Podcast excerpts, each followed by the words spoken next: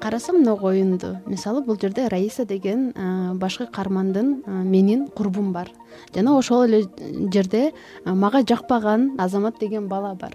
Менин тайынем бул жерде мени азаматка турмушка чыгасың деп атат. Мектепти бүтө элекмин мен дагы мисалы алдыга койгон пландарым бар. Чоң окуу жайда окугум келет актриса болгум келет нуркан койматова бизге азыр сары көл сырлары оюнун ойноп жаткандагы сезимдери менен бөлүшүп отурат. Ал смартфонунда түстүү иллюстрациялар жана кызыктуу диалогдор камтылган оюнду жүктөп алганына аз эле болду. Э, бул оюнда ар бир э, кыз өзүнүн атын жазып башкы каарманды өзү ойногондой кылып ойнойт да бул жерде процессте сиз болосуз. Мисалы смартфондогу чабалекейлер тиркемеси үчүн сары көл сырлары деп аталган оюн сериал кыргызстандагы жашы жете электер арасындагы нике темасын камтыйт. Айкын багыт коомдук фонду сунуштаган бул интерактивдүү оюндагы окуялар кыргызстандын тоолуу бир айылында өтөт оюнчу сюжеттин өнүгүшүнө таасирин тийгизип башкы каармандын тагдырын өзгөрткөн чечим чыгара алат кичинекей кыз болобу чоң кыз болобу өзүнүн атын жазып эле башкы каармандын аты сиздин атыңыз болуп чыга берет.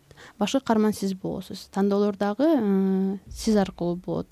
Дайыма эки тандоо берилет кайсыны тандасаңыз ошол менен ойноп кете бересиз бизге ата энелерибиз э, катасыз жашоо жашаганды үйрөтөт да. А бул жерде мисалы ката кетирсең дагы кайра башынан келип э, бир биринчи главаны бүткөндөн кийин кайра башынан келип кайра башкача тандоо менен ойноп көрсөң болот да. Бул жерде мисалы сенде тандоо бар. Нурканга көп тоскоолдук жаратпай оюндун аягына чыгарышына мүмкүнчүлүк берели да биз адистердин пикирин угалы. Баяндын аягында нурканга кайра келебиз сары көл сырлары оюну бул өспүрүмдөрдүн детективи. Кичинекей айылда эки жигит эки кыз жана алардын досу күн сары деген сары ала жылкы тоо көлүнүн айланасында болуп жаткан сырдуу окуяларды иликтешет. Сырды ачып туулуп өскөн айылын кырсыктан сактап калуу үчүн айылдын чоң тургундарын кызыктырбаган суроолорго да жооп табууга туура келет. Оюн эки миң жыйырма биринчи жылдын декабрынан иштей баштады аны play market жана app store онлайн базарынан көчүрүп алса болот оюн он эки бөлүмдөн турат жаңы бөлүмдөр болжол менен ар он күн сайын чыгарылат. Калган кепти айкын багыттын адиси гүлзат мукалиевадан угалы бул оюн жөн эле оюн болбостон бул оюн сериал болуп атат. Биз алдын ала сурамжылоо жүргүзгөнүбүздө көпчүлүк адамдар сериал көрүшөт экен сериал көргөндү жактырышат экен. Анан мисалы үчүн телефонуңарда кандай оюндар бар? Телефондо оюн ойнойсуңарбы дегенде жаш балдардын дээрлик көпчүлүк бөлүгү оюн ойнойбуз деп айтышты. Бирок аларда кандай оюндар? Мисалы үчүн жана атышуу оюндары балким кээ бир жерлерде баягы жер ат алыштары жөнүндө оюндар. Эми ар ким өзүнүн табитине жараша тандап алат экен биздин оюндун өзгөчөлүгү бул оюн ар бир кыздын алдына ошол тандоо укугуна ээ бул тандоо менен ал эмнени үйрөнөт? Бул тандоо менен ал чечим чыгарууну үйрөнөт.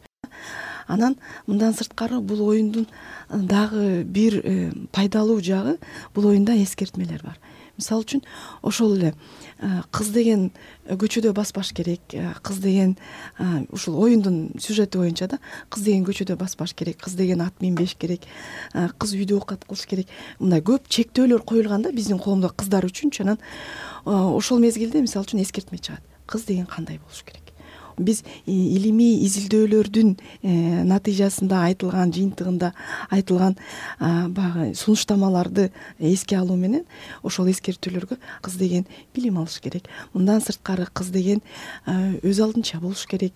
Башкача айтканда ошондой илимий изилдөөлөрдүн негизиндеги алынган сунуштамаларды коштук да. Мисалы үчүн ошол эле бул кыздарга тиешелүү иш эмес. Кыздар бул жумушту иштебеш керек. Анан ошол жерде биз эскертме беребиз а чындыгында э, кесиптер кесип тандоодо кесиптер кыздардыкы же балдардыкы же эркектердики деп бөлүнүш керекпи? Бул эмне? Бул стереотип. А стереотип деген эмне? Биз ошо мектеп жашындагы кичинекей кыздар үчүн ошондой э, түшүндүрмөлөрдү дагы беребиз да. Анан мисалы үчүн он алты жашта турмушка чыгуу же нике куруу бул туурабы же туура эмеспи? Ошол жаатында да бул мисалы үчүн бул жерде биз юристтердин консультациясын алдык. Кээ бир жерлерде психологдордун консультациясын алдык. Ошолордун баардыгын камтып бул жерде баягы кыздар оюн ойдоп тандоо жүргүзүп чечим гана чыгарбастан өздөрүнө пайдалуу болгон маалыматты ала алышат да.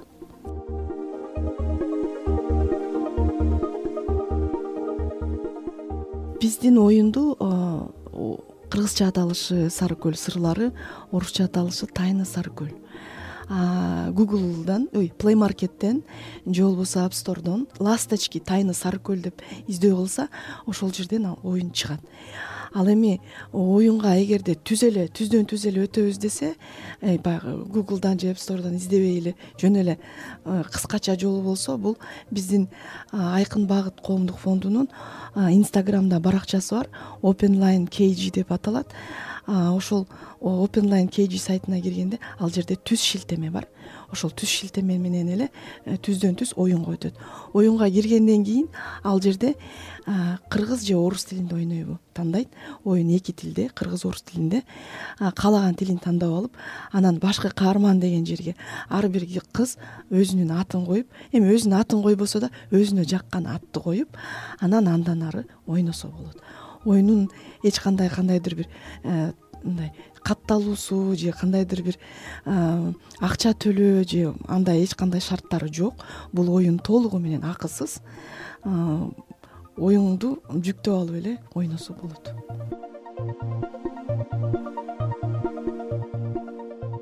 Бул жерде бул оюндун автору айкын багыт коомдук фонду.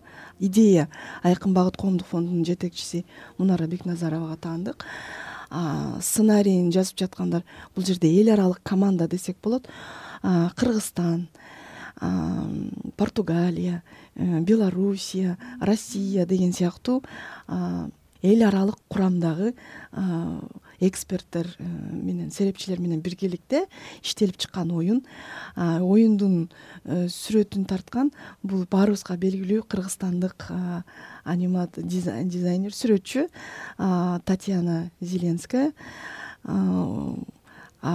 Сценарийин жазып жаткан ошол мария сирида жана өзүнүн анын дагы жардам берген адамдары бар. Бирок бул оюнду алар жазат ал эми биз болсо биздин шартка ылайыкташтырабыз. Башкы каармандын эң жакын досу бул жылкы. Ал жылкынын аты күн сары биз күн сары деп кыргызчада күн сары кылдык орус текстинде морковка. Мен которуп атам анан мисалы үчүн кыргыз тилдүү сүйлөгөн кыздарды көрсөтүп баягы тестировать этип кээ бир жаштардын сөзүн мен чын эле билбейт экенмин да анан алардан алып анан алар мага кичине мындай биз могу жерде мындай деп сүйлөйбүз деген сыяктуу айтышат оңдойм да бул оюнда э, мисалы үчүн биз акысыз деп атпайбызбы бул оюндучу?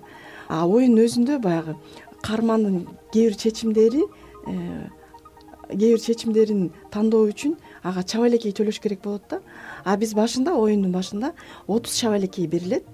Андан ары чабалекейлерди топтош үчүн эскертмелерди окуш керек. Эскертмелерден сырткары эскертмелер бүткөндөн кийин ар бир эскертменин темасына жараша. Тесттер бар. И ошол тесттерден өтсө дагы алар чабалекейлерди алышат да. Ал чабалекейлер кайра эле аларга башкы каармандын кийимин өзгөртүүгө же болбосо башкы каармандын чечимдерин өзгөртүүгө э, керектелет чабалекейлер булар упай турбайбы? Ооба упай. бонус деп коебуз го. Башка оюндарда деле бонустарды берет го. Бирок кээ бир оюндар бар ошо бонустарды бериш үчүн акча төлөш керек. А бул оюн таптакыр акысыз да. Кызыгып калган болсоңуз анда бул интерактивдүү оюнду жүктөп алып сиз дагы укуктук билимиңизди кеңейте бериңиз. А биз кайрадан нуркан койматовага баралы. Ал сары көл сырлары оюнунун үчүнчү бөлүгүнө жетип калды. Бул оюн азыр аягына чыга элек. Бул дагы көптөгөн эпизоддон көптөгөн этаптан тура турган оюн деп ишенем.